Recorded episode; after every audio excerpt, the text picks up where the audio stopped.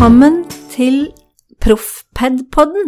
I dag skal vi ta for oss begrepet sosialisering, og mitt navn er Bjørg Herberg Gloppen, og i dag så har jeg med meg Inger Vigmostad, og vi skal prøve å trekke noen linjer om hva sosialisering egentlig er. Ja, for hva er målet for eh, temaet da, Bjørg? Målet er jo at eh, det skal være forståelig hva alle disse begrepene egentlig betyr. Hva er nå sosialisering? Identitetsskaping? Normer? Roller? Oppvekstmiljø? Kultur?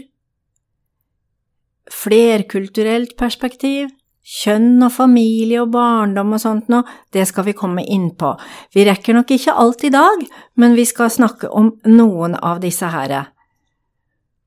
For eh, vi har jo noen mål vi i emneplanen vår, og det er jo blant annet kunnskapsmål som dreier seg om eh, hva som ligger da i begrepene sosialisering, eh, selvbilde, selvregulering, identitet, modernitet og oppvekstmiljø. Ja, hvis, hvis, du skulle si litt om hva du tenker sånn utenom å, utenom å ha eh, tenkt så veldig faglig, hva tenker du når du hører sosialisering? Ja, det går jo på alt uh, i samfunnet rundt oss, helt fra vi er bitte små, helt fra fødselen av, og hva vi møter i familie, barnehage, skole, arbeidssammenheng.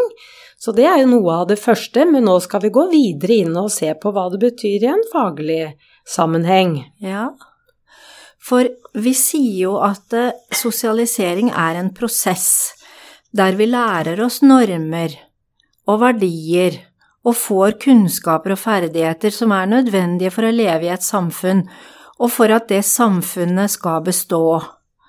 Vi sier rett og slett at det er å vokse seg inn i og bli en del av et sosialt system, et samfunn eller en kultur.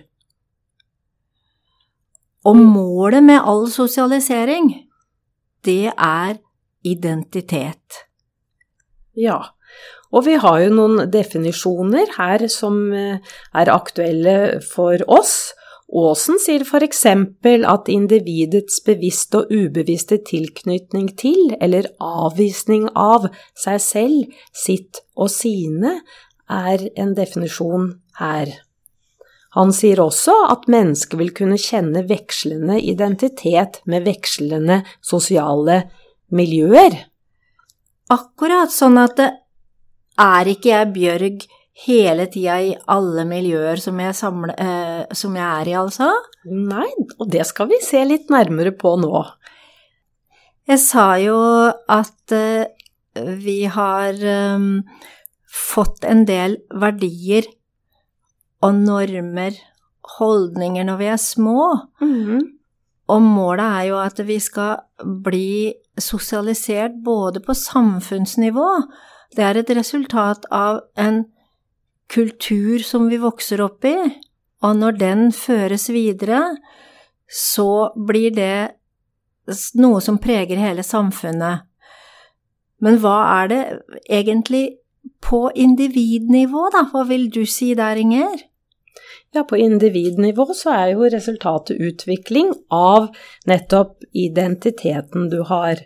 Og da kan vi jo gå til Hoem, som sier at identitet er individets bevisste og ubevisste tilknytning til eller avvisning av seg selv, sine handlinger og følelser, sine omgivelser, eiendeler og miljø.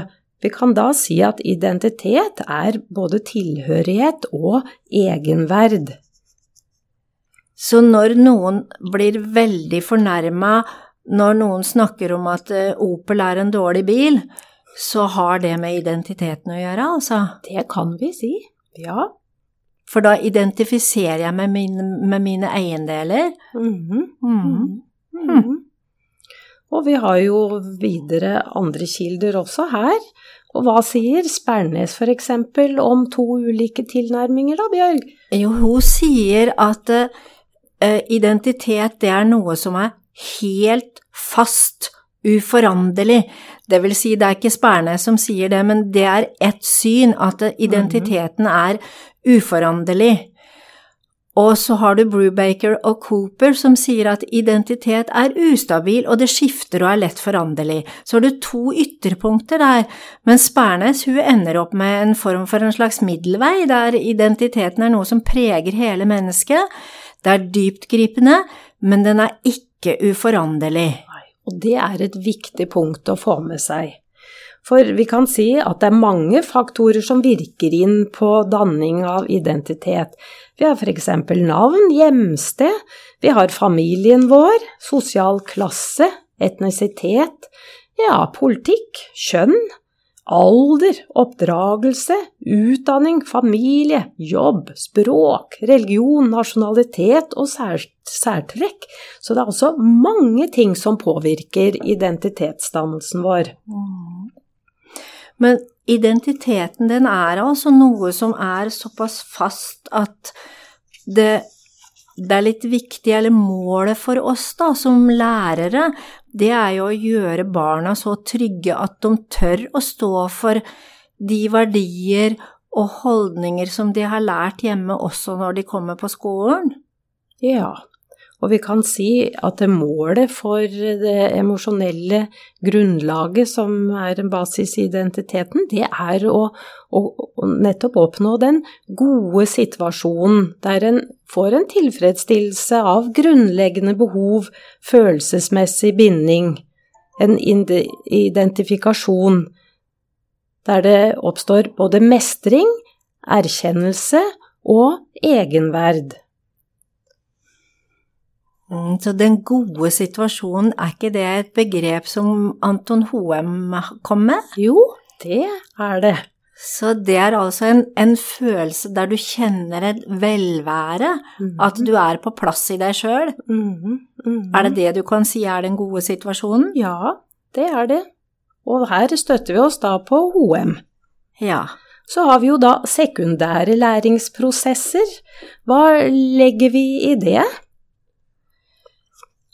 Det er jo Vi snakker jo ofte om primærsosialisering, den første sosialiseringen som skjer hjemme, og så er det sekundærsosialisering, det som skjer i, på arenaer utenfor hjemmet. Og nå er jo unger så tidlig i barnehagen at eh, det skjer jo allerede fra ettårsalderen for veldig mange. Men når de kommer på skolen, som er vår arena, da, da har vi jo ofte denne her modellæringa som vi viser ungene på tavla hvordan bokstaver skal skrives, sant, og så skal de etterape dette her. Vi viser hvordan vi hilser på dem om morgenen for å være hyggelige og at de skal føle seg velkommen, og det er jo også modellæring i måten vi er på i, i um, klasserommet. Så vi er hele tida modeller for det vi kan kalle sekundære læringsprosesser. Mm. Hvilke erfaringer elevene våre gjør i skolesituasjonen. Mm. Mm. Og danning av selvbilde, da. Det kan vi jo si er de erfaringene vi gjør oss om hvordan vi er. Det danner grunnlaget for det bildet eller de bildene vi har av oss selv. Og her har vi faktisk fem hovedområder i dannelsen av selvbildet. Ja, vi har jo en det vi kaller sosial selvoppfatning, som går på hvordan vi oppfatter oss sjøl til å fungere sammen med andre, og hvordan andre ser på oss. Og så har vi det vi kaller en emosjonell selvoppfatning, det er om jeg vil beskrive meg sjøl som ja, et følelsesmenneske eller en Jeg er ikke så lett påvirkelig, jeg er ganske kald og tøff, eller hvordan vi oppfatter følelseslivet vårt. Mm -hmm. Og det tredje kalles for kognitiv selvoppfatning, og det dreier seg om hvordan vi ser på vår egen evne til å lære, hvordan vi tilegner oss kunnskap. Om vi, om vi ser oss som flinke norsk eller eh, ikke så gode i naturfag, eksempel. Mm. Så er det det moralske sjølbildet, da. Jeg er jo et gjennom ærlig menneske, ljuger aldri. Det ville de fleste antageligvis beskrive seg sjøl som. Men hvordan er det egentlig? Har du hatt en hvit løgn av og til? Mhm. Moralsk sjøloppfatning, det handler altså om hvordan vi ser på oss sjøl i forhold til ærlighet og sosiale ferdigheter, egentlig. Ja. Og så kommer det siste, da. Ja, og det er fysisk selvoppfatning. Og det handler rett og slett om Tenker du deg som Er du, ja, er du sterk og, og, sprek, eller tenker du at du er litt mer beskjeden og litt eh, an, annerledes enn å være den virkelig pippi-sterke typen? Ja, og det med selvbildet, det er jo ganske tøft da, å være ung i dag, fordi vi blir jo, hadde jeg nær sagt, tuta øynene fulle av bilder for hvordan vi skal se ut. Ja, så dette med hvordan du ser på om du er attraktiv eller ikke, er jo også et element. Det er ikke bare om du er fysisk sterk, men det er jo hvordan du tenker at Eller din egen sjøloppfatning er. Ja. Mm. Når vi er de samme personene, opplever at vi er de samme personene, enten vi er på skolen, eller vi er hjemme, eller vi er på trening i håndballhallen, så kan vi si at vi har opparbeida det vi kaller for sjølkonsistens, eller selvkonsistens, som det står i litteraturen. Og det er jo litt spennende, det, da. Opplever du deg likt hele tida, Inger? Ja, jeg mener jeg har en basis, at en har en eh, trygg, et trygt sjølbilde, og ut fra det eh, så vil du jo også ha selvfølgelig ulike roller i ulike sammenhenger en opptrer i. Mm. Men når man er barn, når man er ung, så er jo dette her, her hele tida i en danningsprosess, og det er litt vanskelig å vite hvordan vil jeg egentlig være, hvilke verdier er det jeg syns er verdt å ta med videre av det jeg har lært hjemme, og det jeg lærer på skolen, for vi skal kikke litt på en modell som, som sier litt om Kanskje det ikke er helt det samme du lærer hjemme som det du lærer på skolen? Ja, og det handler jo også om selvakseptering. Det å akseptere seg sjøl, det er også et eh, moment da i utvikling av sjølbildet. For hvis du har et lavt sjølbilde, så gir det lav sjølaksept og fører til ulike former for kompensering. Ja, og hvis en da føler Hvis en har en unge som på skolen er fryktelig urolig og vanskelig og, og har problemer med å styre sinnet sitt, så kan det faktisk være jeg er på leit, sier det lille barnet.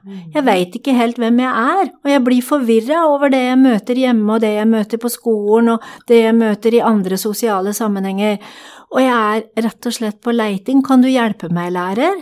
Ja. Det er kanskje et skrik som aldri blir uttalt, men som vi som fagpersoner er nødt til å finne ut av. For det er en del av jobben vår som lærere å hjelpe elevene våre til det vi kaller selv- eller sjølregulering, mm. som nettopp er evne til å styre tankene, følelsene og handlingene sine.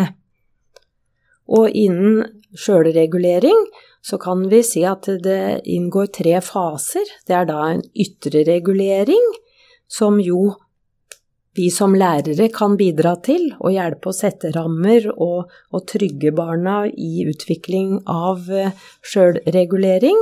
Så har vi koregulering og selvregulering. Altså selvkonsistensmotivet og selvaksepteringsmotivet er i balanse. Vil du si noe mer om akkurat det, Bjørk? Jeg tenker på at det, dette her med å eh, danne seg et bilde av hvem jeg er, når starter egentlig det? Og det starter jo tidlig. Eh, det starter jo så tidlig som eh, da du begynner å få kontakt med folk, men vi snakker om at i barnehagen så har vi noe som heter primær narsissisme, og det betyr at barnet opplever seg sjøl som sentrum for det som skjer, og mener å ha evner og ferdigheter og muligheter som de kanskje ikke har.